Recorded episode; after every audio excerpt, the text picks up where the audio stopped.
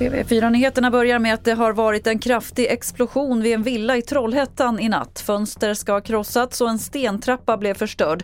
Men det finns inga uppgifter om skadade personer. Det är oklart om det finns någon hotbild mot någon som bor i villan. Ingen misstänkt är gripen.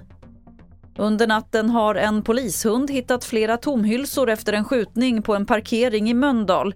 Enligt polisen verkar någon ha skjutit flera skott i marken och tre bilar som stått parkerade i närheten har fått skador.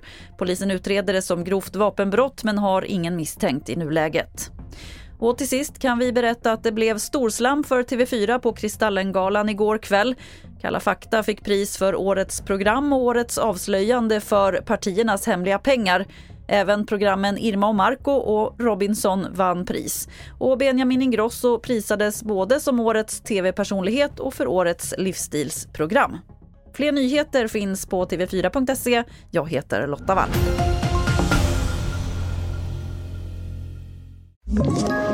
Ett poddtips från Podplay.